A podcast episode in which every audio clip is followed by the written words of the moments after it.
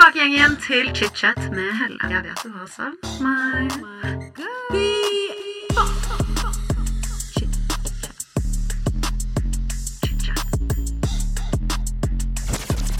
I dag får jeg besøk av en av Norges mest kjente rappere og låtskrivere, Øyvind Sauvik, mest kjent som Vinni. I dagens episode forteller Vinni om barndommen hans og om tenårene tilbrakt i Tanzania. Det var jo i Tanzania hvor musikkinteressen hans slo til for fullt, og han begynte å skrive og skape musikk. I dagens episode så skal vi selvfølgelig få høre om denne sinnssyke karrieren han har hatt, men vi skal også snakke om rusavhengighet, alkoholmisbruk og turnélivet. Vinni har vært ganske åpen tidligere om bruddet med ekskonen sin, og han forteller i dag om hvordan de har klart å beholde den gode kommunikasjonen, hvordan de opplevde parterapi og følelsene rundt det å gå gjennom et brudd som involverer utroskap. Episoden i dag ble ganske mye mer følsom enn det jeg trodde den skulle bli, for å være helt ærlig. Og episoden ble en skikkelig reise gjennom livet, på både godt og vondt. Så det er bare å si velkommen tilbake til chit-chat. Vi bare hopper i det. Let's go. Vinni, velkommen til chit-chat. Tusen takk skal du ha. Altså, skal jeg være helt ærlig. Når jeg gjorde research, som jeg gjør når jeg har alle gjestene mine, mm. så liksom leser man jo mye sånn basic fakta. Mm. Og du er den første gjesten min, skal jeg være så ærlig å si, at jeg visste ikke ditt ekte navn. Nei. Når jeg begynte å lese om deg, for du heter jo egentlig Øyvind. Det heter jeg. Ja. Mm. Når var det Vinni kom inn? Det var jo Det kom når jeg begynte med musikk. Var, man måtte jo liksom ha et annet navn. Vi drev og rappa på engelsk, og, og så jobba jeg i en klesbutikk som het Stress. Uh, han en av de som eier det, Øystein Hetland, han ga meg det navnet. Og så prøvde man prøvde å finne sånne kule navn, og så var det åh, men det, det funker. Da går vi med det. Så da var det også deilig at jeg ikke hadde funnet det på sjøl, så jeg slapp å finne på mitt eget kallenavn. ok, så du fikk hjelp, da. så, men ja, da, så begynte han å si det, og så da bare Ok, men da blir det det, da. Vinni fra Babyboys. Men du har jo også et til artistnavn. Som er Vincent altså Nå må du si fra hvis jeg sier feil. Vincent eh, Vagabond? Vagabond, ja. Vagabond? ja. Ja, men det er litt bare sånn rap-greie. Du må ha mange navn. Eh, at det er bare sånn eh, ordspill og, og, ting. Eller ordspill er det vel ikke, men, eh, men ja. Men jeg har vel aldri brukt det så veldig sånn aktivt. Det er bare sånn jeg har sagt i, i rap-låter. Ok. Mm.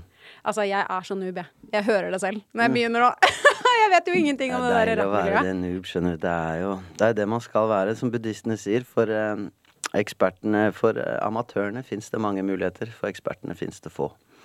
Så det er Mm. bedre å ikke kvite noe. Da er alle mulige åpne, muligheter åpne. Mm. Det er nydelig. Mm. Før vi kommer til karrieren din, så skal vi jo snakke litt om barndommen din. Ja. For en del av barndommen din har Mm. jo du eh, hatt i Tanzania sammen med dine to søstre Mm. og foreldrene dine. Mm. Kan ikke du fortelle litt om den tiden i livet ditt? Ja, det Jeg har jo Jeg bodde i Afrika eh, før det. Jeg bodde i Zambia da jeg var enda mindre. Da jeg var tre. Foreldrene mine jobba De møttes på lærerskolen, og så meldte de seg inn i Fredskorpset. Og så flytta de til Kenya og jobba som lærere der på en sånn lokal skole. Uh, og så de Ja, og så begynte de å jobbe i Norad, som er da den liksom uhjelpsavdelingen til den norske staten. Så flytta vi til Zambia først. Bodde jeg der i nesten fire år. Og så var jeg hjemme og gjorde barneskolen uh, i Norge. Og så flytta vi til Tanzania når jeg begynte i syvende klasse. Hey, it's Ryan Reynolds, and I'm here with Keith, co star of my upcoming film, If, only in theaters, May 17th. Do you want to tell people the big news? All right, I'll do it. Sign up now and you'll get unlimited for $15 a month and six months of Paramount Plus Essential Plan on us. Mintmobile.com slash switch. Upfront payment of $45 equivalent to $15 per month. Unlimited over 40 gigabytes per month. Face lower speeds. Videos at 480p. Active Mint customers by 531.24 get six months of Paramount Plus Essential Plan. Auto renews after six months. Offer ends May 31st, 2024. Separate Paramount Plus registration required. Terms and conditions apply if rated PG. Life is full of what ifs. Some awesome. Like what if AI could fold your laundry? And some, well, less awesome. Like what if you have unexpected medical costs? United Healthcare can help get you covered with Health Protector Guard fixed indemnity insurance plans. They supplement your primary plan to help you manage out of pocket costs. No deductibles, no enrollment periods, and especially no more what ifs. Visit uh1.com to find the Health Protector Guard plan for you. Quality sleep is essential. That's why the Sleep Number Smart Bed is designed for your ever evolving sleep needs. Need a bed that's firmer or softer on either side? Helps you sleep at a comfortable temperature? Sleep Number Smart Beds let you individualize your comfort so you sleep better together. JD Power ranks Sleep Number number 1 in customer satisfaction with mattresses purchased in-store. And now, save 50% on the Sleep Number limited edition Smart Bed for a limited time. For JD Power 2023 award information, visit jdpower.com/awards. Only at a Sleep Number store or sleepnumber.com.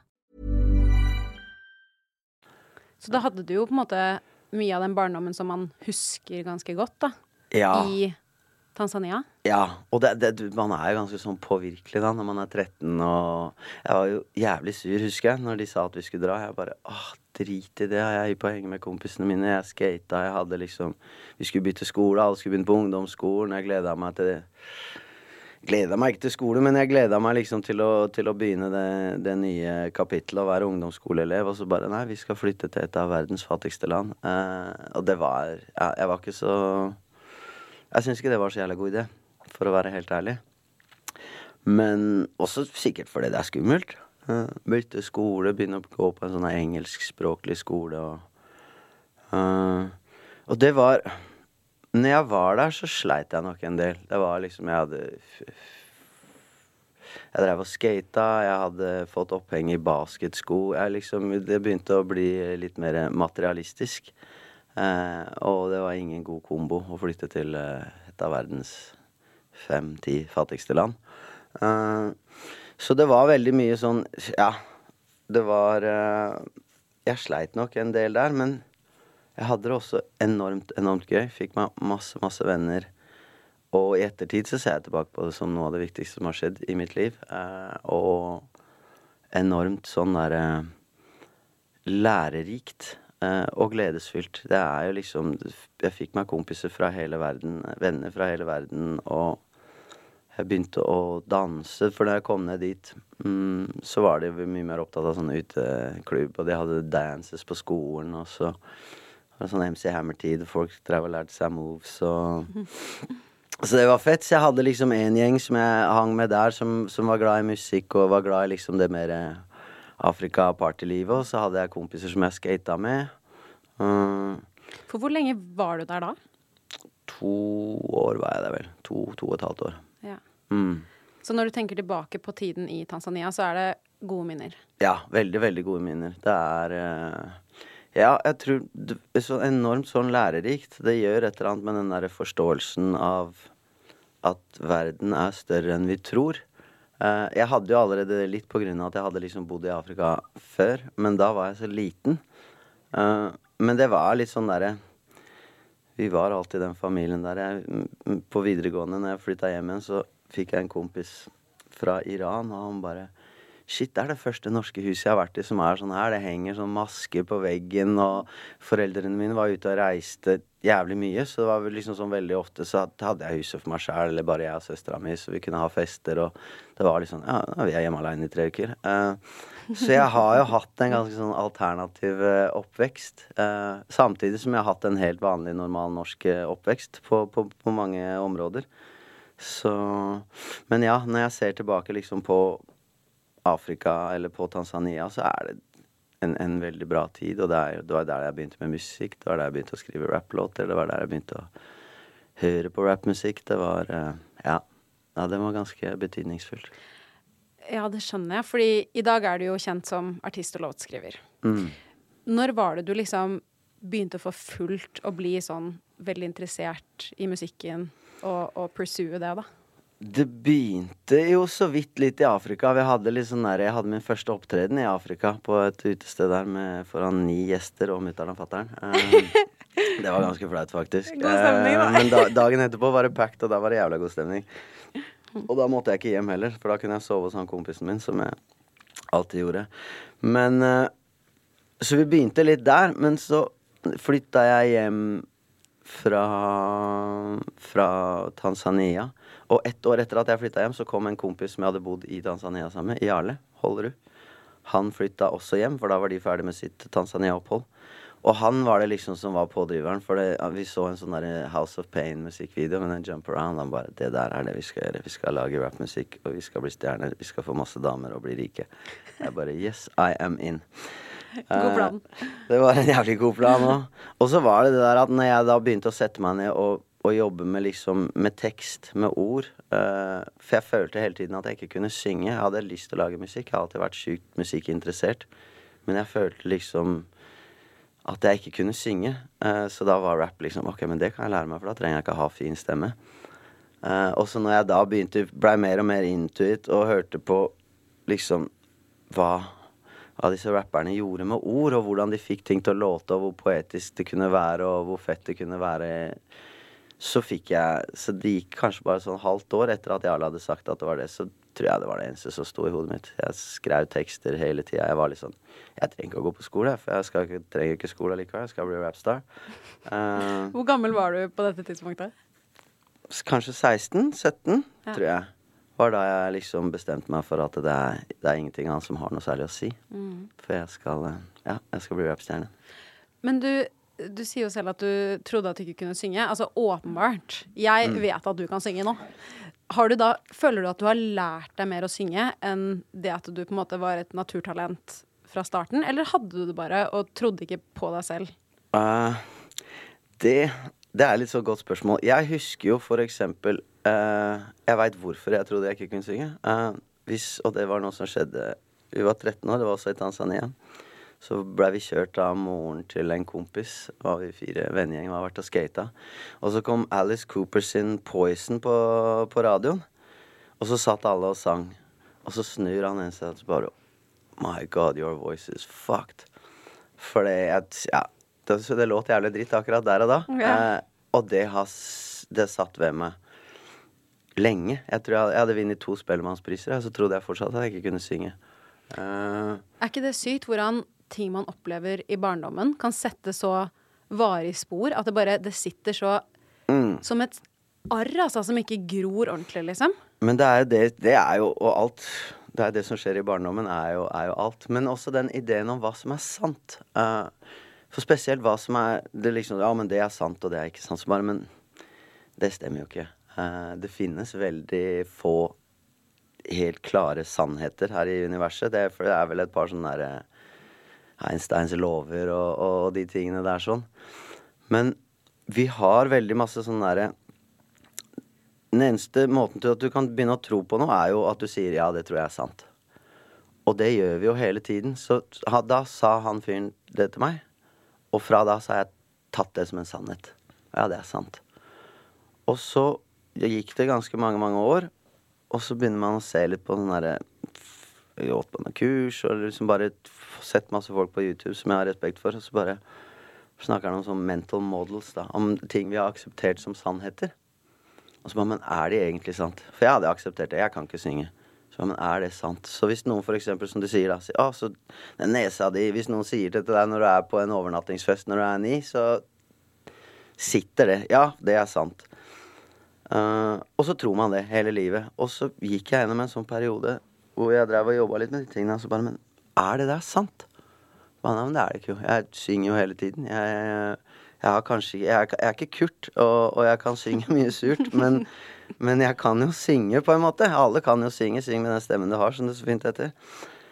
Eh, men da blei tenkte jeg litt sånn Ok, men hvis det der det er noe jeg har trodd på, så er det sant.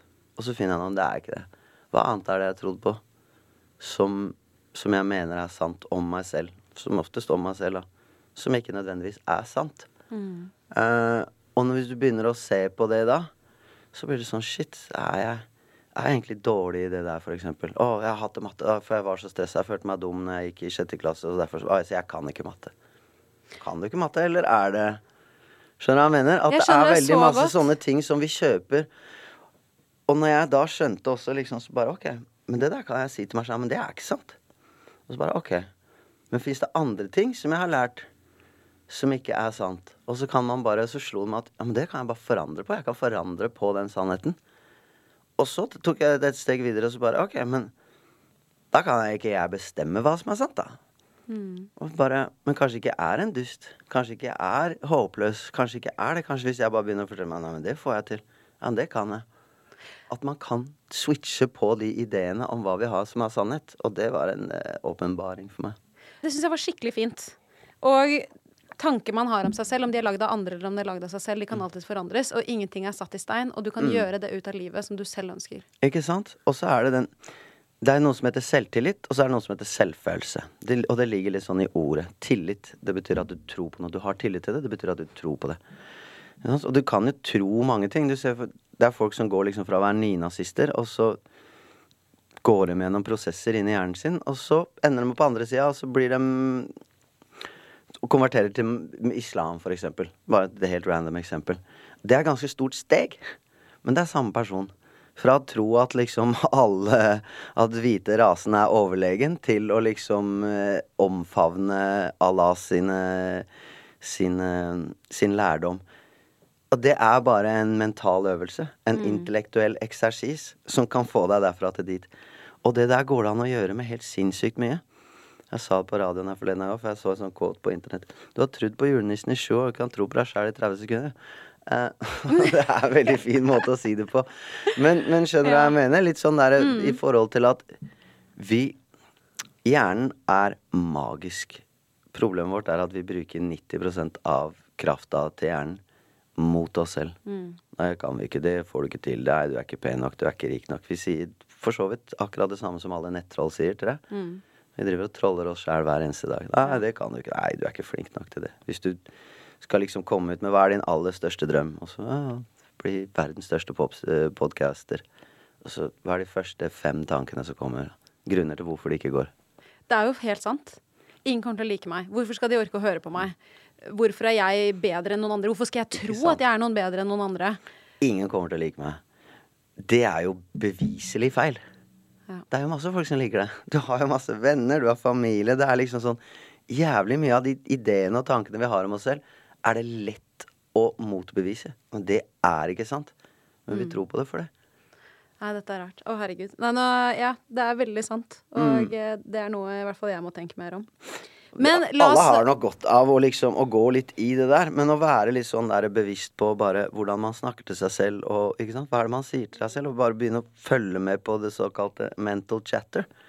Og, og en ting som hvis man skal begynne med det, så er det viktig å være litt sånn raus. For med en gang du 'Å, nå sier jeg stygge ting om meg selv igjen', og så blir du sur på deg selv. Og da blir det også en Da er det eh, også ja, en sånn en klaff, og så bare 'herregud, jeg er jo verdens verste menneske'.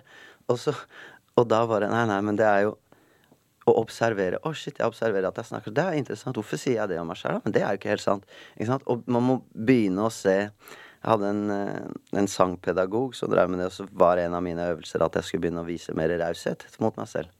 Så kom jeg tilbake to år etterpå, så er jeg dritforbanna, for jeg har ikke klart å være raus med meg sjøl. Da er sur. Så, bare, okay, så oppgaven var at du skulle være grei med deg sjøl. Og så får du ikke til, og så har du vært ekstra sur på deg sjøl i to uker. Mission failed completely, ikke sant? Og det er litt det derre Ja, det er jo Det begynner med kjærlighet. Alt. det gjør det. La oss hoppe litt Yes. tilbake inn uh, Ja, i sorry, jeg spora helt av. Nei, jeg syns det var helt nydelig. Nei, men det var helt perfekt. Virkelig. Men eh, jeg har så mye jeg må spørre deg. Ja, Du har jo hatt et helt sinnssykt liv. Jeg må jo si det.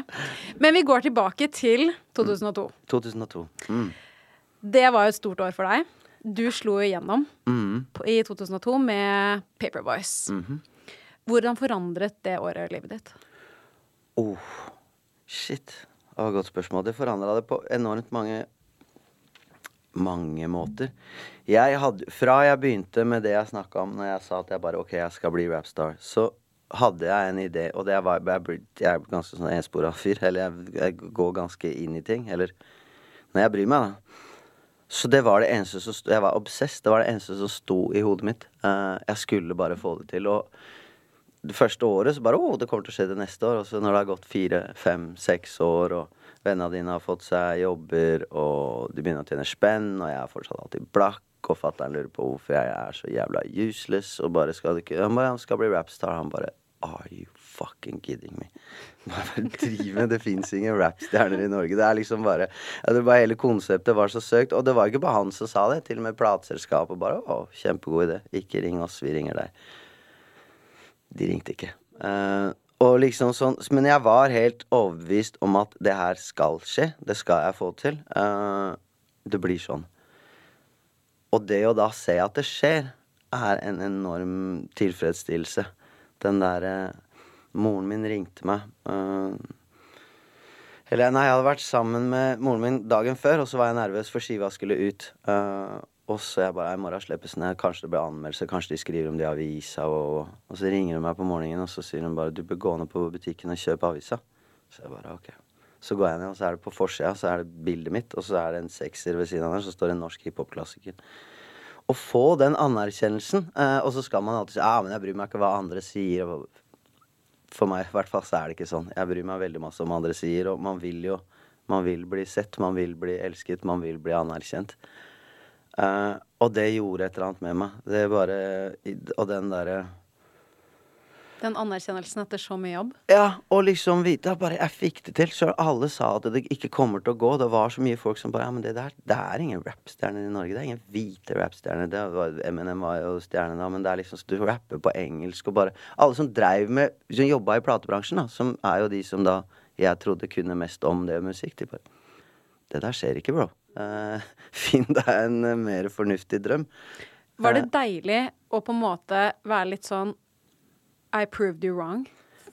Fuck you. Helt se på det her. Ja. Ja, men- Se på den sekseren. Se på den forsiden. Mm. Ja, det var helt magisk. Det, var, det er helt fantastisk. Og det er eh, jeg, er jeg, jeg liker å si jeg er stor nok til å innrømme at jeg er smålig. Um, og det er jo selvfølgelig et eller annet veldig tilfredsstillende med å bare kunne putte den i trynet på folk.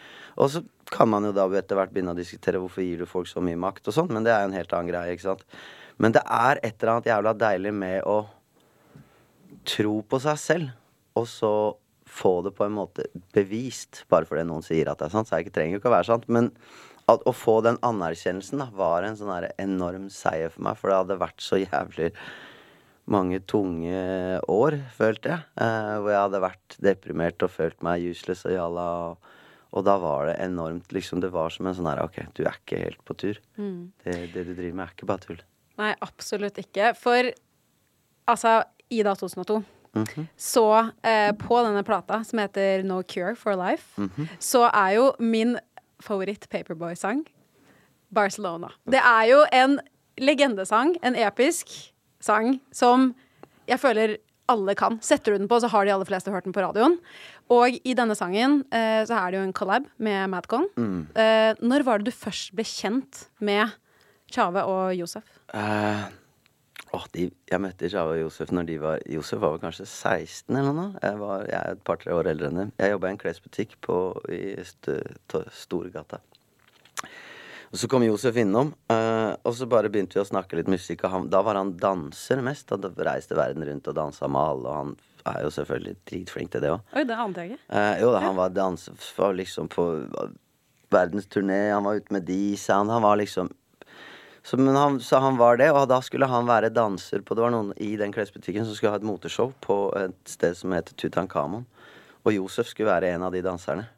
Eh, drakk seg så jævla drita den kvelden, for han har ikke lov å være der inne engang heller. Og skandalerte det hele til. Men, eh, men da blei vi i hvert fall litt sånn kompiser. Eh, og så var det også, når jeg kom hjem og digga rappmusikk, så var det et hiphop-miljø i Norge, men de hørte på en litt annen type rappmusikk enn det jeg hørte eh, på. Og det de mente liksom at det der er ikke ekte rap, du må ikke høre på sånn vestkyst-drit. Det er eh, New York som er greia.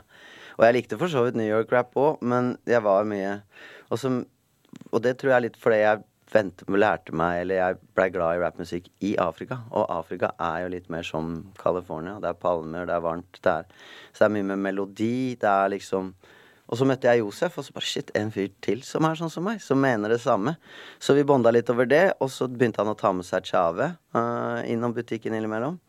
De pleier å kalle meg professoren, for de mente jeg hadde så jævla sterke meninger. Eh, for ja, de veit ingenting. Det der er bare dritt. Han der er helt useless. Jeg var eh, en ganske påståelig dude. Men så begynte jeg å Så begynte, kjente jeg de eh, Begynte å henge med de. Blei kjent med de. Og så en kveld, kanskje et år eller to-tre seinere, da var vi i hvert fall blitt, de var i hvert fall blitt 18 nå, så var vi ute på byen. Og så blei Tjave med hjem til meg, for jeg hadde en kåk uh, på Bislett som var fattern sin, som jeg kunne bo i mens han var i Afrika. Uh, så blei Tjave med hjem. Uh, så hadde vi nachspiel, og så sovna på sofaen. Og så blei han der i fire år, tror jeg. Jeg trodde du skulle si fire dager, så var det sånn at han ble i fire år. Ja, men sånn, han var litt sånn Fordi Tjave hadde ikke noe sted å bo. De første fire åra jeg kjente Tjave, så var han hjemløs, på en måte. Han hadde ikke noe sted å bo. Han hadde familien hans Han hadde søsknene og brødrene sine her, men moren hans var i Sør-Afrika, og faren var i Sør-Afrika da. Og, så han var liksom Og så hadde jo vi Så hadde den her felles drømmen. Vi der skal bli sånn rapster. Så han bare blei der, og så bonda vi litt over det at jeg var Han var en afrikaner som var kommet til Norge, og så var jeg en nordmann som hadde vært i Afrika. Så vi hadde så jævlig mye sånn derre felles ting, da. Som det var liksom Som vi var litt sånn derre motstykke. Så er Josef som tidligere bare Faen, dere to er så jævla tvillinger, ass. Eh, så det er liksom Vi har hatt like tatoveringer, og det er Jeg har fortsatt lagra som twin på telefonen. Eh, Ja, for er- dere har jo lagd mye bra musikk sammen i Ja. alle årene, og dere er jo fortsatt gode venner. Veldig gode venner. Han er fortsatt en av mine nærmeste Josef òg. Men jeg og Chava har hatt et veldig spesielt forhold hele livet. Som har, eller de siste 25 årene. Men da, Og det å være der og sitte der på den sofaen sammen med den drømmen om at vi skal få til et eller annet. Og så nå, når jeg møter han i studio nå, så bare Men størstedelen av Norge kjenner begge oss to bare på fornavn. Eh, og det kjennes jævlig eh, Jeg merker jeg blir stolt, og jeg føler det føles som en sånn der eh, accomplishment. Og at vi begge to har fått til det. Selv om vi, vi hadde jo en låt sammen hver, så blei på en måte den første hiten, men vi har gjort det på, på hver vår vei, på hver vår måte. Ja, dere har begge virkelig fått det til. Mm. Det, det kan man si. Ja, det kan jeg si. Ja, sånn fått det til er jo et definisjonsspørsmål, men samtidig, ja. Jeg føler jo det. Altså, albumet No Cure for Life Mhm. fikk jo Spellemannsprisen samme år i kategorien hiphop, Yes. som er helt rått. Mm. Men som du også nevner i den eh, biografien din, som kom ut i fjor, eh, så ble også livet ditt i denne perioden mye påvirket av alkohol og rus. Ja, det hadde det vel vært allerede i For mens vi skulle bli rappstjerner, så det var ingen av oss som hadde noe jobb. Så vi var jo Vi var jo kjentpersoner på by. Vi var kjent på byen allerede lenge før vi blei kjent for det norske folk, så, så vi var jo Vi levde jo et, et utsvevende liv, hvis det er lov å si det. Og dere hadde jo helt ekstrem suksess også på den tiden, så jeg kan jo forstå at det ble mye festing. Og det så man jo kanskje spesielt godt på prisutdelingen på Spellemann, hvor du var ganske drita eh, og gikk opp på scenen og mottok da denne prisen fra tidligere statsminister Jens Stoltenberg. Yes. På denne tiden, følte du da at du hadde et rusproblem, eller var det liksom en thrill hele tiden?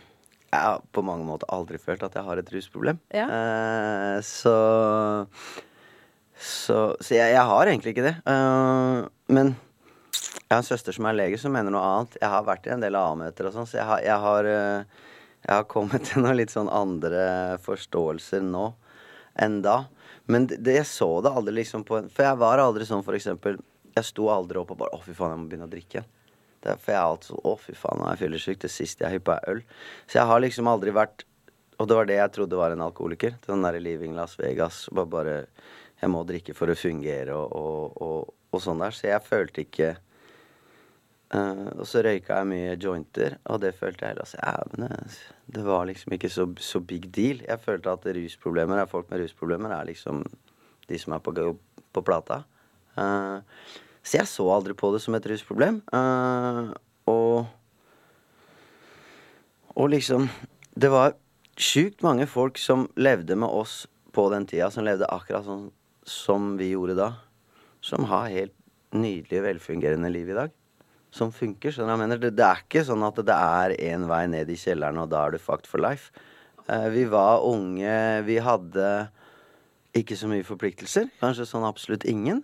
Eh, vi, vi var overbevist om at vi var uh, the business, og, og liksom Så jeg føler på mange måter at vi bare levde livets glade dager. Vi hadde det liksom fett. Det er jo selvfølgelig en forenkling, for det kommer jo mye brutalt med det her og, også sånn. Men Nei, jeg følte ikke da følte jeg ikke at jeg hadde et rusproblem. Nei. Og det gjør jeg nesten ikke ennå heller. Nei, du gjør ikke det? Nei. Jeg føler at det, det, det var voldsomt. Det var det. Jeg liksom så var på byen Kunne lett være på byen fem-seks ganger i uka. Jeg prøver å drikke to dager på rad nå, så ligger jeg i fosterstilling. Når jeg er ute og drikker nå, så avlyser jeg dagen etterpå. Jeg tar ikke telefon. Jeg er bare OK, men hvis jeg har vært på byen, så jeg, jeg skal ikke ut og gå i møter. Det skjer ikke, liksom. Jeg bare Jeg ligger og pleier meg selv og syns synd på meg selv. Så jeg hadde jo aldri klart å leve sånn nå.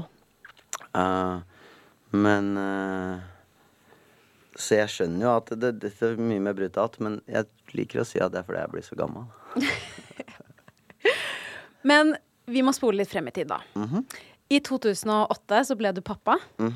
Sammen med din ekskone Tone så fikk dere sønnen Leonel. Er det sånn man sier det? Ja. ja. Forandret synet ditt seg på livet etter du ble far? Ja, veldig. Det vil jeg påstå. Ja. Jeg tenkte, gikk faktisk rundt og tenkte en del sånn etter at han kom, så tenkte jeg faen hva var det jeg dreiv med før, da? Ingenting betydde noe før. Det var litt sånn derre Ingenting Ja, det føltes som alt på en måte bare Ikke bare var tull, men også bare var tull, liksom. Det var ikke, det var ikke ordentlig. Det var ikke seriøst før før, man, eh, før jeg fikk barn, liksom. Og så bare OK, nå er det helt andre konsekvenser i livet. Det er, det er en helt annen måte å, å være i livet på. Så ja, det forandra meg på enormt mange måter. Mm. Mm.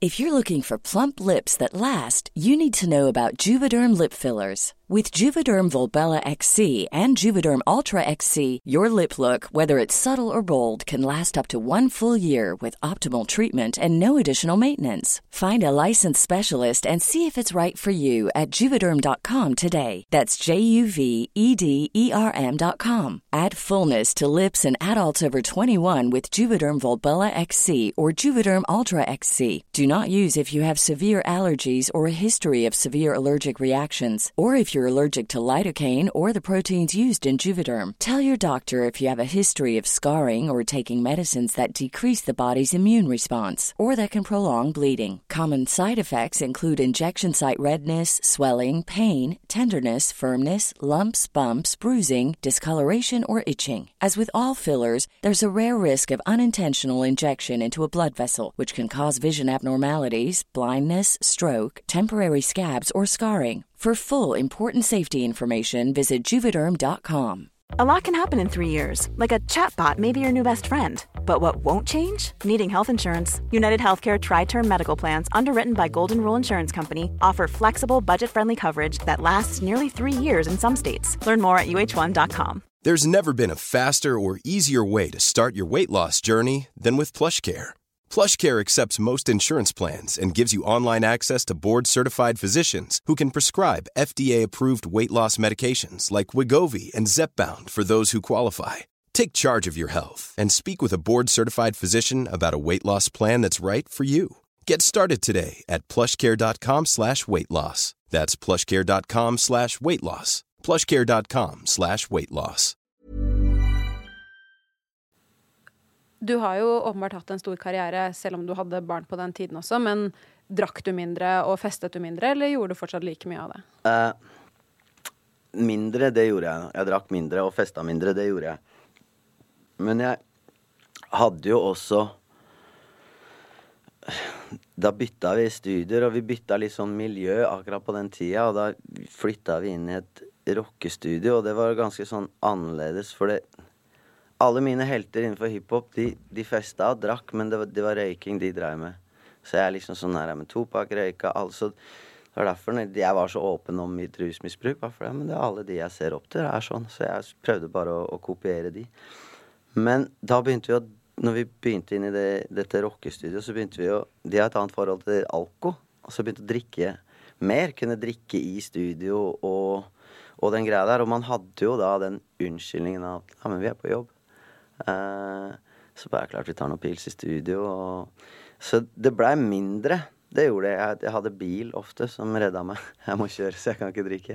Du, det er smart, altså. Jeg gjør også det ofte, bare for å liksom ha en unnskyldning. For jeg føler ofte at hvis man Jeg også har vært i miljøer hvor øhm, det drikkes hver dag. Ja. Og folk som har muligheten til det, og hvor jobben tillater det, og Mm. Ja. det ikke på en måte er rart, da. Å Ja. ta seg en pils nesten til lunsj på en mandag. Ikke det er sant? bare sånn det er. ikke sant? Man er Ja. i studio eller man gjør sånne ting. Så, så er det sånn Det høres kanskje rart ut for de som lever helt andre liv, at man må nesten ha en unnskyldning for ikke å drikke. For folk er alltid Mm. sånn Ofte føler jeg at hvis vennene mine, eller de jeg i hvert fall hang mye med før, um, skulle gjøre det, så ble de nesten litt sånn ah, hvorfor skal du ikke drikke? Det var rarere at du ikke skulle ta deg en pils, eller Mm. Ja. ikke skal ta deg bare en liten shot, da, for det gir bare litt kick på stemningen, liksom. Ikke sant? Så det å kjøre bil, det har jeg gjort mange ganger selv. Ja, men det er smart, det der. Og så er det jo også litt det der Jeg tror ikke vi skal kimse av Under korona så steig omsetninga til polet med 70-80% Shit. Det er liksom Hva var det folk dreiv med? Folk satt hjemme og drakk. Og jeg tror den derre uh, den, den mengden og nivået det drikkes rundt omkring i Norge, er sjukt mye større enn man tror. Og det betyr jo ikke nødvendigvis at alle alkiser har et alkoholproblem, selv om mange flere enn øh, de som vil innrømme det, har det. Er at liksom hvor vanlig det er. Ja, men sitter her på kvelden, og nå har kidsa lagt og så gå og ta et glass vin eller to eller tre, og så blir man litt roligere, og så ser man litt lysere på livet, og så bare ah, kommer du deg igjen. Så går man og legger seg, så gjør man det samme på nytt dagen etterpå. Jeg tror ikke det er bare meg og mine kompiser som, som dreiv med det. Jeg tror det der er ganske mer utbredt enn man tror. Ja, ja, ja. Uh, Absolutt. og det tror jeg liksom handler litt mer om En av de tingene jeg lærte i AA, er at liksom det er ikke så jævla interessant at du drikker. Men hvorfor du drikker, er mye mer interessant. Alkoholen er symptomet på problemet. Det er liksom, Du kan ikke putte plaster på aids. Det er, eh, det er liksom Du må finne ut kjernen til problemet. Eh, hva er det som skjer? Hvorfor føler man seg ukomfort... Hvorfor er man så ukomfortabel ved å ikke drikke? For eksempel, det er jævla mye folk jeg kjenner. Ja, man skal ut i sosiale settinger. Ja, men hvis de ikke kan drikke, så bare Ja, men det Fordi Får sosial angst, blir stressa, blir anxious og bare Å, å, jeg klarer ikke å få på to øl eller et glass vin. Og så plutselig så bare ja, Prate med folk du ikke kjenner, og hvordan det er den derre løsemiddelet, da, som, som bare gjør alt lettere. Eh, Og det er jo helt impregnert i samfunnet vårt, da. ja. Og den si. eh, norske folkesjela er jo glad i å drikke. Ja. Og så er det også Kan man snakke om hvor latterlig det er, litt sånn at så har vi den Det er helt lov å drikke, uh, men så er det masse andre ting som Å, fy faen, er du narkis? Og så bare Bro, er, du er jo alkis, liksom. Du sitter jo og drikker hele tida foran barna dine og jeg, det, Så hykleriet er, uh, er på ekte, i hvert fall. Ja. Mm. Jeg tror vi ser veldig likt på det. Jeg er helt enig. Men i 2010, Yes. da gikk du solo. Da ble det kun Vinni. Ja. Hvordan var det å stå på liksom helt egne ben uten en partner? Uh, det var ganske annerledes. Uh, litt av grunnen til at jeg gjorde det, var at fordi vi la jo opp egentlig i 2006, og så kom vi tilbake igjen i 2008-ish. Og da var det en litt sånn annen konstellasjon. Vi hadde fått med et medlem til. Vi hadde flytta oss inn i et rockestudio. Det var, det, vi var sånn litt sånn derre barn i godtebutikken. For det plutselig vi hadde sittet og lagd all musikken på en datamaskin, og så plutselig så hadde vi liksom tilgang til så mye flinke musikere. og så det forandra ganske mye sånn med hele den greia, og pluss at det faktum at forholdet mitt til Sander, som jeg da hadde gjort alt de tingene her sammen med eh, i de foregående sju-åtte årene, blei så dårlig at vi snakka ikke sammen. Eh, som, som gjorde at det blei litt sånn ja, litt krevende å være i det studio, og det blei så mange kokker og sånn, så jeg bare åh, veit du hva, når jeg er ferdig med det prosjektet her, som var en sånn Babyboy-skive, så skal jeg hypp på bare gjøre, være solo igjen. eh, Eller gjøre det Gjøre noe som bare er mitt. Eh, og det var eh, Det var jævlig Det var deilig, men det er jo også skummelt å skulle plutselig stelle seg på Ut og stå på egne ben etter å ha gjort noe sammen med folk i så lang tid. Men det gikk jo veldig bra. Det må jeg jo si. For jeg har jo et, eh, et Til slutt minne gikk det bra. Ja. Men jeg har et minne fra 2012 Mm. som jeg tror jeg deler med veldig mange andre i landet vårt. Mm. For det var i 2012 at du var med i Hver gang vi møtes. Mm. Og her eh, fremførte du en helt nydelig tolkning av Halvdan Sivertsen sin sang 'Sommerfugl i vinterland'. Mm. Denne sangen har jeg din tolkning av på en spilleliste, faktisk. Som, jeg har, som er den spillelisten min som er spilt av flest ganger. Jeg liker liker den sangen veldig godt. Shit, kult. Trodde du at programmet og fremføringen din skulle få så mye oppmerksomhet som det den fikk i ettertid? Nei, ikke i det hele tatt. Uh, jeg hadde ikke noe Det var jo en av Gunnar sine genistreker. Han hadde vært i Sverige, og der gikk programmet et år før. De hadde liksom fått det og starta og lagd den svenske versjonen. Og så hadde den svenske rapperen Petter vært med på den første sesongen. Og han hadde tatt over Sverige med den, for han hadde gjort noen remakes av eh, Hadde gjort noen sånne tolkninger som, som blei monsterhits. Så Gunnar kom tilbake da og begynte å gå til produksjonsselskaper i Oslo og bare Du, eh, hvem av dere er det som skal ha det programmet der? Ja, vi veit ikke. Når dere, hvem av dere som får det, så skal dere ha med Vinni. Så han begynte å selge inn det liksom før uh, Og jeg visste ikke helt hva det var. Han bare, bare åh. Og så dro jeg til Sverige og lagde de låtene. Og så kom det noen, og så fikk jeg en plass på det greia. Så dro jeg til Sverige og lagde de låtene. Sammen med samme fyren som hadde vært med og hjulpet Petter på sine låter, som er en fyr jeg jobba med helt siden 2002. Uh, og da var det liksom Jeg bare ah, De jævla låtene her. Jeg var liksom skeptisk til hele greia. Jeg bare Det høres så jovialt og jolly og koselig ut. Ja, for det skal der. jo sies at dette var jo første sesong. Mm. Så du visste jo ikke hva du gikk til heller, Ikke når du skulle tatt. være med på TV-konseptet. Nei, og så burde jeg sikkert ha sett på den svenske versjonen, men det, jeg, jeg, jeg gjør aldri det sånn. Nei, jeg gjør ikke det. Det blei faktisk et tema når det rabla for meg innpå der. Så bare, men har du ikke sett den svenske versjonen? Så bare nei. Alle bare. Det var jo ganske dumt av deg, da. Jeg bare, «Ah, men jeg liker ikke å være forutinntatt. For jeg tenkte liksom, hvis jeg hadde sett og visst hva det var, så hadde jeg tenkt å, da skal jeg gjøre sånn eller ha den rollen. Jeg, jeg er ikke så glad i å, å få så mye info på forhånd. For jeg er ikke hypp på å være prega av det. Så, så jeg hadde ikke noe lyst. Så var, dro jeg til Sverige, og da hadde vi fire dager på å gjøre alle de låtene. Og så gjorde jeg de, og bare blei ferdig med det, på en måte. Og så tenkte jeg ikke så mye mer over det. Og når jeg skulle inn for å filme det, så var jeg så sur at jeg ringte Gunnar og bare 'Jeg vil ikke. Jeg gidder ikke.' Han bare 'Bro, du begynner å filme om seks timer. Hva er det du snakker om?' Stram deg opp. Eh, og det Ja, for han var jo skikkelig sånn Slutt å være drittunge nå, liksom. Ja, men det var han så vant til det der. Jeg sparka han i hvert fall tre ganger i løpet av den innspillinga. Det er ikke noe å lure på. Jeg ringte hjem og var så sur. Eh, men, men nei, jeg hadde ingen formening om Og det var det ingen av oss som egentlig helt gjorde. Ingen som visste hva, hva vi gikk til, eller hva vi kom til.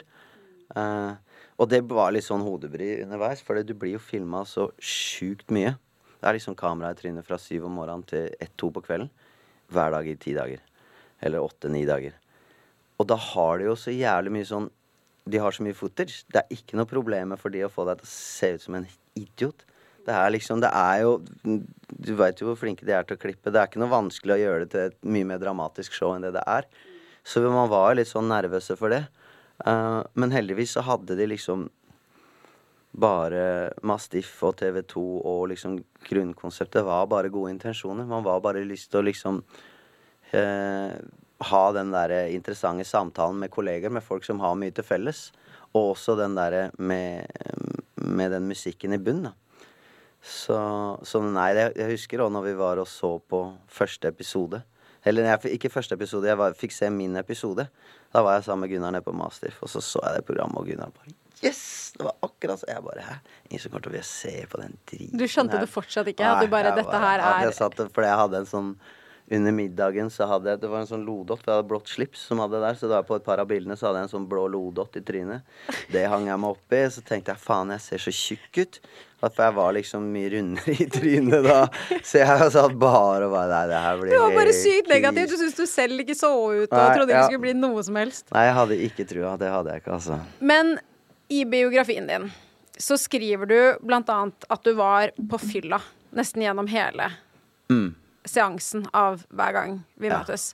Og du skriver Jeg er god til å drikke på denne tida. Har høy toleranse. Har gått hele hver gang vi møtes i halvfylla. Har eh, trosset min svenske kollega og kompis Timbuktus eneste råd da jeg skulle inn. Hva enn du gjør, ikke drikk. Opplegget er nok av en påkjennelse fra før. Du sa jo i sted at du ikke har hatt et alkoholproblem, men tenker du sånn tilbake på det nå? At, at du kanskje hadde det? Eller hvordan var forholdet ditt til alkohol på denne tiden? Uh, ja, jeg er helt Selvfølgelig hadde jeg et alkoholproblem. Det er jo bare på en måte sånn derre Men jeg tenker det er for andre grunner enn det jeg tenkte på. Fordi jeg tenkte som men jeg trenger jo ikke å drikke. Jeg syns ikke alkohol smaker så godt, eller det er ikke det. Det koker vel mer ned til det der at jeg ikke klarte å være komfortabel i sosiale settinger uten å være påvirka.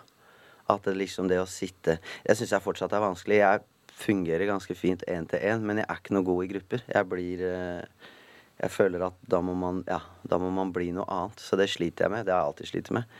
Eh, så Og det det er jo helt tydelig at jeg trengte å liksom være påvirka for å liksom bli rolig og, og, og kunne fungere i de settingene. Så, så, ja, jeg innser jo at jeg et, hadde et alkoholproblem. Ja. Jeg har jo lest at du i dag er helt rusfri. Nei, at du ikke, ikke rører alkohol. Stemmer det? Nei, det stemmer ikke. Det. Nei, ok. det er mange som sier det, eller det er mange som har fått med seg Jeg bare, jeg veit ikke hvor de har fått det fra. For jeg hadde noen år etter det der hver gang vi møtes, for da, det gikk jo en del sånn skeis på, på, hjemmefronten. Uh, og jeg måtte komme til noen innrømmelser som gjorde at jeg bare OK, vet du hva, jeg må slutte å drikke. Jeg kan ikke jeg må, jeg må lære meg å fungere i verden uten å være påvirka hele tiden. Så jeg hadde et par år hvor jeg nesten ikke drakk, hvor jeg kanskje drakk sånn tre-fire ganger til sammen på to-tre år. Men, uh, men nei, jeg har ikke det stemmer ikke at jeg ikke rører alkohol. Ja. Tone og sønnen din bor mm. jo på Bali. Mm. Ja. Du er litt sånn frem og tilbake mellom Norge og Bali, stemmer mm. det? Ja. Hvor bor du mest, vil du si? Jeg vil jo si jeg er mest i Norge. Uh, ja. Men det har litt med at uh, For vi kommer jo hjem til jul. Og i sommerferien hvert år når, han, når junior har juleferie og sommerferie, og pga. det er internasjonal skole, så er det ganske lang juleferie, så vil jo de hjem. Uh, og så Og bare det er jo tre måneder, og så er jeg kanskje sånn prøver jeg å være sånn annenhver måned. Selv om det blir jo mer Det er her jeg tjener penger. Så jeg vil si kanskje sånn 60-40 fordel Norge. Ja. Mm. Deilig, da. Ja, helt. Det høres ikke feil ut. Det må Nei. jeg bare si med en gang. Men du og Tone skilte dere jo tilbake i 2011 mm. på grunn av utroskap. Mm -hmm. Dette har du jo snakket om flere ganger før, så jeg skal ikke grave altfor mye i det. Mm. Men dere har jo vært litt av og på etter det også. Mm. Hvordan er deres forhold i dag? Uh, vi har et fantastisk forhold. Hun er min beste venn. Uh, og vi har jo barn sammen. Vi bor jo sammen på Bali. Jeg har bygd hus Eller vi har bygd hus. Uh, jeg tenker at jeg bygger det til oss. Uh, det er jo hjemmet vårt. Vi er en uh, treenighet, og det kommer vi alltid til å være. så jeg vil si at vi har et et veldig, veldig godt forhold. Bedre forhold enn de fleste gifte par, tror jeg. Så jeg, jeg snakker med henne hver eneste dag. Ja, du gjør det? Ja, hver dag. Det syns jeg er skikkelig fint. Mm. Jeg lurer på liksom hvordan det går, hva om det skjer noe med Leonel på skole, eller litt sånn sånne ting. Og så, så bare Ja, fy faen, i dag var jeg surfa, det var så jævlig fett og bra. Hoser. Så jeg har snakket med nesten hver eneste dag. Så godt som. Mm. Mm. Ja, det er koselig. Jeg skal bare spørre ett spørsmål når det kommer til det angående utroskapen. Mm. For du har jo sagt at det, du var utro én gang. Når du var møkk dritings. Mm. Um, og mange har jo opplevd utroskap. Mange mm. har vært utro, og veldig mange velger jo å holde munn om det mm. når man sitter i den situasjonen. Mm. Og jeg spurte faktisk uh, moren min om dette for flere år siden. Uh, for moren og faren min har vært sammen siden de var 17 år, og de er sammen en dag i dag. Wow. Og jeg spurte mamma hvis pappa hadde vært utro, driti seg skikkelig ut, dratt ut med gutta og vært utro, hadde du villet vite det da? Mm. Og svaret hennes var nei. Ja, men det tror jeg. Og spørsmålet og det, og det, er jo selvfølgelig da hvis han hadde kommet tilbake og angret og på en måte mm. skjønt at han hadde driti på draget. Ja. Men spørsmålet mitt da er jo Hadde du hvis du, Dette er jo selvfølgelig hypothetically. Eh, mm. Hvis du kunne gått tilbake i tid, hadde du vurdert å ikke sagt i utgangspunktet da, med tanke på alt som kom ut av det at du faktisk fortalte til Tone at du var utro?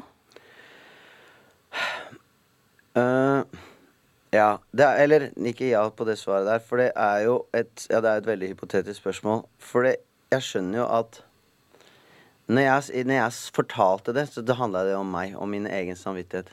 Hva faen skal hun med den informasjonen der, liksom? Det er jo Og det, det, er jo jævlig egoistisk. Det er egoistisk å drite seg ut, men det er også egoistisk å, å si det, på en måte. Eh, men jeg tror ikke jeg hadde klart å leve med denne løgnen. Uh, det, jeg tror jeg ikke det behager gått. Jeg hadde ikke klart å Jeg hadde ikke tålt meg sjøl. men nei. eh, jeg ville ikke forandra noe på grunn av alt det som skjedde etterpå. Som er det verste som jeg har vært med på, men det er det beste som har skjedd. Den derre det Konsekvensen av det der, og det derre heisaturen det der kasta oss ut i, var nødvendig. Og den var sunn, og den var viktig. Og det er liksom jævlig vondt, og kanskje ekstra vondt for henne. Uh, og nå skal jeg prøve meg. Jeg er jo Jeg er jo ikke noe problem med å snakke om ting, men jeg innser jo at det er ikke nødvendigvis alle som trenger at jeg snakker for de òg. men uh, så, Så det kasta oss jo ut i en eller annen sånn et helvete. Og den offentlige liksom tilstedeværelsen i det hjalp ikke. Men nei, det hadde jeg ikke ville forandre. For det Da hadde jeg liksom Det hadde gått til helvete på en eller annen måte. Uh, uansett. Det føler jeg meg rimelig trygg på. Uh, men fordi det satte i gang så prosesser som var helt, helt nødvendige for at jeg skal kunne være det mennesket jeg er i dag. For at vi skal kunne ha det forholdet vi har i dag. For at vi skal kunne være de foreldrene vi er i dag. Så, så trengte vi den eh, turen i kjelleren. Hva følte du at du lærte av den situasjonen? Åh, den Hele den situasjonen der blei et uh, Et kurs i sånn bevisstgjøring av relasjoner. At det er liksom det Det viktigste av alt. Hva, hva en relasjon er. Uh, som jo er enkelt fortalt, eller det er jo min teori, det er ikke sikkert det er sånn Men det er, ikke sant, det er to individer. Det å, se og bli sett, det er jo en sånn derre en sam, samhandling. Men det der å lære relasjoner Men da relasjonen med meg og barnemoren, relasjonen med meg og sønnen min, relasjonen min til alkohol, relasjonen min til uh, alt mulig sånne her greier. Og så, når du begynner å grave og drasse i alle de der, så ser du som om Men hva er moderskipet på alt det her sånn? Relasjonen du har til deg selv. Som er liksom det viktigste. Det er der alt starter med. Hvordan, det er tilbake til hvordan vi snakker om oss selv, hva slags sannheter vi har akseptert om oss selv. Alt det der. Uh, og det var det den liksom satte i gang, den reisen, ved hjelp av en helt sånn fantastisk uh, samtaleterapeut. Som som for øvrig alle burde gå til, også lykkelige par. Det, har jeg begynt å gjøre nå. Jeg, jeg gir folk det i bryllupsgave. Folk syns det er disrespectful. Det men er den beste bare- bryllupsgaven. Folk må ta det, Det og omfavne det. Jeg er helt enig. første vi tenkte på når vi satt der, var bare fy faen, hadde vi kommet hit for fire år siden, så hadde vi ikke vært i det helvetet her nå. Uh, Du mener det? ja. Og det er ikke sikkert det er sant, men det var noe av det første vi sa i den der greia. For det begynner med den derre Man sitter sånn for seg selv og har det er, men 'Jeg kan ikke lese tankene dine.' Og så har vi så forskjellige måter å kommunisere på. Og vi har også forskjellig kjærlighetsspråk. Og vi har forskjellige måter å sånn, Hvis du har vokst opp i en familie hvor de snakker om alt, og de snakker om følelser hele tiden, og så, men sånn er det med meg og pappa og mine søsken, og bare vi, bla, bla, bla. Så er det andre folk som kommer men Det det har jeg aldri snakka om i hele mitt liv. Og så har de da liksom funnet ut Og begge delene de kommer fra, er jo gjerne da som oftest en eller annen form for trygghet. Så det er bare ja, men det her er det som er kjærlighet. Det er det her som er trygt. Og så er det noen andre som er helt annerledes da. Og så blir det å, men det der kan jeg ikke. Det der Og det der å ha da en andre person, en uavhengig tredjeperson, som bare sitter der og kan liksom Jeg mener jo en god samtaleterapeut er en tolk. Som bare sitter og oversetter hverandres øh, følelser og, og det de egentlig mener. En øvelse som jeg tror veldig mange samtaleterapeuter bruker, er at den ene snakker, og så stopper de deg etter kanskje to til tre minutter, og så bare ok, så skal den andre gjenfortelle hva den har hørt. Akkurat det der Mm. fortalte mamma og pappa meg at de har lært når de har gått i terapi. Og det høres helt lættis ut når jeg er hjemme på besøk noen ganger. Mm. Fordi mamma kan si noe, og så tar pappa og basically bare sier det mamma har sagt, og svaret sitt. Fordi Mm. da blir du mye mer observant av hva faktisk motparten sier. Fordi man er så mye med partneren sin og så kaster ball. sier ikke man til den andre personen at 'jeg har hørt hva du sier', istedenfor at 'jeg har hørt det jeg tror du sier'. Ja. For den første gang du gjør den øvelsen, så tror jeg de fleste vil bli overraska. For det, når vi skal gjøre det, og så snakker hun, og så bare Ok, nå skal du hjem fortelle, ikke sant. Og så sitter man Ja, hun mener jeg er helt idiot, og så bare Hæ? Så sitter man bare Men jeg sitter jo og skryter her. Jeg sitter og Men av vi har forskjellig språk, av vi har forskjellige måter og forskjellige knagger å henge ting på, så hører vi ting annerledes. Vi opplever ting annerledes. Og ved å gjøre det der, så skaper man en enormt mye større forståelse for hvem den andre personen er, og hva den egentlig prøver å si. Så det er bare å, du gjør sånn og sånn og sånn. Ikke sånn. Å, men jeg er angrepet. Og så med en gang vi blir angrepet, så går vi i defensiv posisjon, og så er det ut med piggene, og så er det krig. Og så var det egentlig kanskje ikke noe grunn til krig i det hele tatt. Det var liksom Og den øvelsen der er helt magisk, og den burde alle gjøre. Og det der å liksom å ha noen som kan sitte der og liksom være litt sånn tolk, megler. Og det er jo ikke, det er ikke sånn at det bare er vondt og kjipt heller. Man har ledd så mye. Og, og så bare finne fram Men hva er det dere egentlig Hvorfor er dere her? Dere er jo, dere er jo så glad i hverandre. Hva er det som Og så sitter man der og så bare Shit, ja, fy faen. Det vil en jo bare godt. For det er det som er kjærlighet. Hvis det er Når du skjønner at hvis jeg, hvis jeg mener at jeg elsker denne personen, så må jeg jo ønske den personen godt. Uansett om det er med meg eller ikke. Uansett hva den gjør. For med en gang jeg begynner å putte mine egne forventninger eller sånn greier i det, så bare Men da handler det ikke om kjærlighet. Du sier jo at du vil det mennesket godt, men så er det liksom sånn premisser. Som min gode venn Kim sier. Hvis ikke kjærlighet er betingelsesløs, er det business. Sånn at jeg kan godt elske deg, men da må du. Da skal jeg. Så lenge du gjør det, så lenge du Ikke sant? Så, men det er ikke kjærlighet. Det er en byttehandel. Det er veldig sant. Uh, og, og du veit ofte kan være greit med en god deal, men det er ikke kjærlighet. Mm. Mm. Nei, det, ja, det der er veldig rett. Nei, jeg blir bare ja, så Beklager, jeg bare Nei, nei, det prosesserer det, du fint, sier. Fordi jeg mener virkelig også at alle burde gå i terapi for seg selv. Og når man har en partner, burde man gå i samtaleterapi fordi at det, man vil som oftest det samme. Ja, jeg, jeg er helt enig. til begge deler. At alle burde gå i terapi. Det er, jeg har en kompis som sliter litt, og så sier ja, han må det og det og det. Og så, bare Men skal du gå og få noe hjelp? Nei, nei, nei. Hva, hva da? Ah, terapi. Nei, nei. Så bare Bro, det du prøver på, går ikke an å gjøre aleine. Det er liksom sånn Du kan gå til kompiser og snakke om problemet ditt, og de følger venninner, og de fleste så vil de bare sitte og vente på å få til det er deres tur til å snakke. Og så snakker de om seg selv. Så man kan sitte der og backe opp, så er det to personer som sitter og snakker om seg selv. Det å ha en eller annen sånn terapeut som klarer å stoppe og høre, gi litt pushback Men hva mener du egentlig med det? Men er ikke det egentlig Du oppnår ting som jeg mener det ikke er mulig å gjøre aleine. Det, det er ikke det kommer ikke til å skje. Det, det er ingen som har gjort det. det. Det går ikke an, liksom. Du kan sitte og meditere i, i, tusen år, men du vil ikke komme fram til mange av de tingene som vi kan få ved å liksom Ved at noen bare speiler deg, da. Og uten å dømme. Og uten å prøve å projektere hva de mener. Uten å prøve å liksom pushe sin agenda på det. Som bare sitter og hører, og så bare viser deg. Sånn er du. Det her er det du sier. Det her mener du. Er det egentlig det du mener? Så bare, Nei, faen, det er jo ikke det jeg mener. Jeg, det er jo ikke det jeg syns. Det er ikke sånn jeg tenker om meg selv. Men jeg mener det er umulig å oppnå det aleine. Not Jeg er helt enig.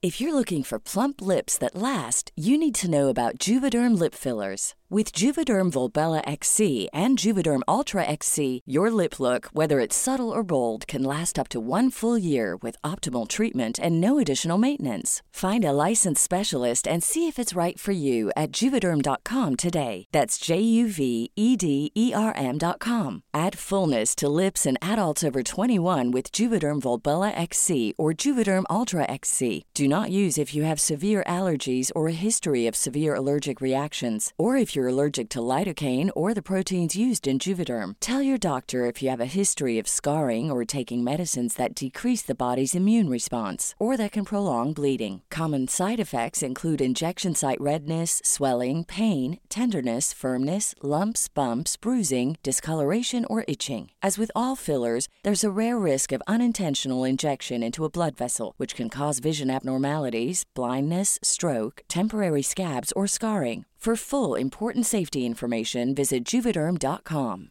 This message comes from BOF sponsor eBay. You'll know real when you get it. It'll say eBay Authenticity Guarantee. And you'll feel it. Maybe it's a head turning handbag, a watch that says it all, Jewelry that makes you look like the gem, or sneakers and streetwear so fresh every step feels fly. eBay gets it. So look for the blue check mark next to that thing you love and be confident that every inch, stitch, sole, and logo is checked by experts. With eBay Authenticity Guarantee, you can trust that feeling of real is always in reach. Ensure your next purchase is the real deal. Visit eBay.com for terms. Hey, it's Paige DeSorbo from Giggly Squad. High quality fashion without the price tag? Say hello to Quince. I'm snagging high end essentials like cozy cashmere sweaters, sleek leather jackets, fine jewelry, and so much more. With Quince being 50 to 80% less than similar brands. And they partner with factories that prioritize safe, ethical, and responsible manufacturing. I love that. Luxury quality within reach. Go to quince.com slash style to get free shipping and 365 day returns on your next order. Quince.com slash style. Jeg begynte jo nylig, faktisk, bare for et par uker siden, å gå i terapi igjen. Mm, så fett. Um, og jeg syns at det er, det er sykt hvor lite som skal til. For jeg tror Mm. at mange er sånn De tror at de kanskje må gå veldig lang tid. Mm. Mens jeg tar veldig ofte perioder Mm. hvor jeg går hvor jeg kanskje tenker sånn Å, nå merker jeg at det begynner å ulme litt, liksom. Mm. Og så har jeg en uh, dame som jeg snakker med på liksom Zoom, Mm, liksom. ja, så jeg, trenger, jeg kan liksom gjøre det fra hvor som helst. Det kan være veldig lavterskel. Ja. Og så er det privat, men det er ikke sånn kjempedyrt. Koster rundt sånn 850 spenn eller noe. Og det har jeg råd til i et par uker. Et par måneder i året, liksom. Ja. Drit i å kjøpe de jævla sneakersene, liksom. Invester i ditt eget hode, Ikke tenker sant? jeg da. Og eh, nei, jeg, jeg er helt, Jeg er helt enig, Ja. altså. Og det er jo, jeg liker jo å si at liksom det å gå i terapi er som å få Du får bedre utsikt over ditt eget sjelsliv. Du får liksom en annen view. eh, som er det der Bare det å få, å få liksom en sånn Ja, et speil hvor du kan se deg selv fra en litt annen vinkel, Mm. er helt, eh, helt uvurderlig. Det var en fin måte å si det på. Du er jo for tiden på norgesturné. Ja, en Ja. liten ja, litt, Det Liten- ikke liten turné? men ja, vi er ute og spiller litt, ja. Ja. Mm. Uh, og for alle som er i Oslo, neste konsert er på Rockefeller 21. januar. Mm. Jeg har veldig lyst til å komme. Jeg har aldri sett deg live. Oh. Så det hadde vært det helt rått. fall, vi har aldri vært bedre live enn vi er nå. Nå er liksom det bandet svinger, og vi har masse nye låter, og ja. Veldig gøy. Det har jeg skikkelig lyst til å. Mener du det? Ja, det er klart Å, herregud. I will take it. Yes. Yes, please. Ta Men imot. tusen takk. Trives du på turné? Uff, jeg elsker det. Ja, syns, syns du det er gøy, liksom? Ja, jeg elsker det. Og i utgangspunktet så har jeg sceneskrekk. Mener du det? Uh, ja, ja. Første gangen moren min så meg ikke, ikke den gangen i Afrika, da, for da var de bare så sjokkert over hva jeg holdt på med, tror jeg. Men første gang moren min så meg på en konsert, så kom hun liksom dagen etterpå bare Er du sikker på at du er på å drive med det her? Du ser jævlig ukomfortabel ut. Og så jeg bare Ja, men jeg er jævlig ukomfortabel. Jeg syns det er så skummelt. Jeg hadde med meg Tjave på turné hele første året, for jeg turte ikke å stå på scenen aleine. Oi.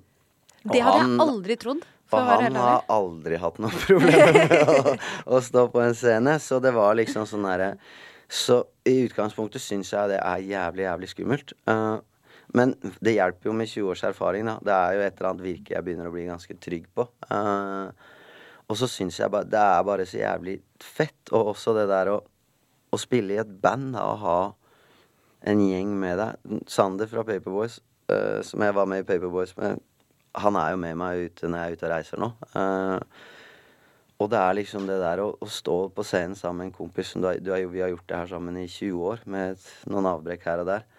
Og liksom å få lov å oppleve det en gang til nå, så seint i karrieren. Og det er så fett. Det er så gøy. Altså. Det er liksom bare Og så trygghet, og hvis du blir litt sånn stressa, og så bare snur du deg til sida, så ser du han bassisten i øya og bare åh, men jeg er jo ikke aleine. Og så har du han på sida der, og så bare Ah, det er den beste følelsen i verden. Jeg Det kan det så jævlig. Men altså, jeg hadde aldri trodd du var svenskrekk. Jeg ser bare plutselig kommer et bilde av deg i baris som står og klikker på en eller annen scene, og så er det sånn OK, han fyren der har egentlig hatt vanskeligheter med å stå på en scene, da. Mm. Det er jo litt motiverende for andre. Det vil jeg jo si. Ja, kanskje det. Ja, det er veldig fint hvis det er det. Men ja, det er jo, det er jo en ganske sånn lang reise fra det. Men det er jo igjen da til det der det går an å snu på de aller, aller meste tingene her i verden. Sånn ting du er redd for, og ting som plager deg, og ting som du syns er skummelt. Og det er liksom Hvis man gjør en jobb med det, så er det veldig få ting det ikke går an å, å snu. Det er eh, Du tror det er sant, men det er ikke sikkert det er sant. Det er det som er greia med absolutt alt her i livet. Eller det meste, da. Er det noe i fremtiden som du ser frem til eller ønsker å oppnå, eller er du en litt sånn person som tar en dag av gangen? Litt begge deler. Jeg er jo Det er jo ting jeg kan Jeg vet ikke om jeg har noen sånne spesifikke planer om at det der er jeg hypp på å oppnå, eller liksom sånn Jeg er mer en, jeg er mer en sånn retningsfyr.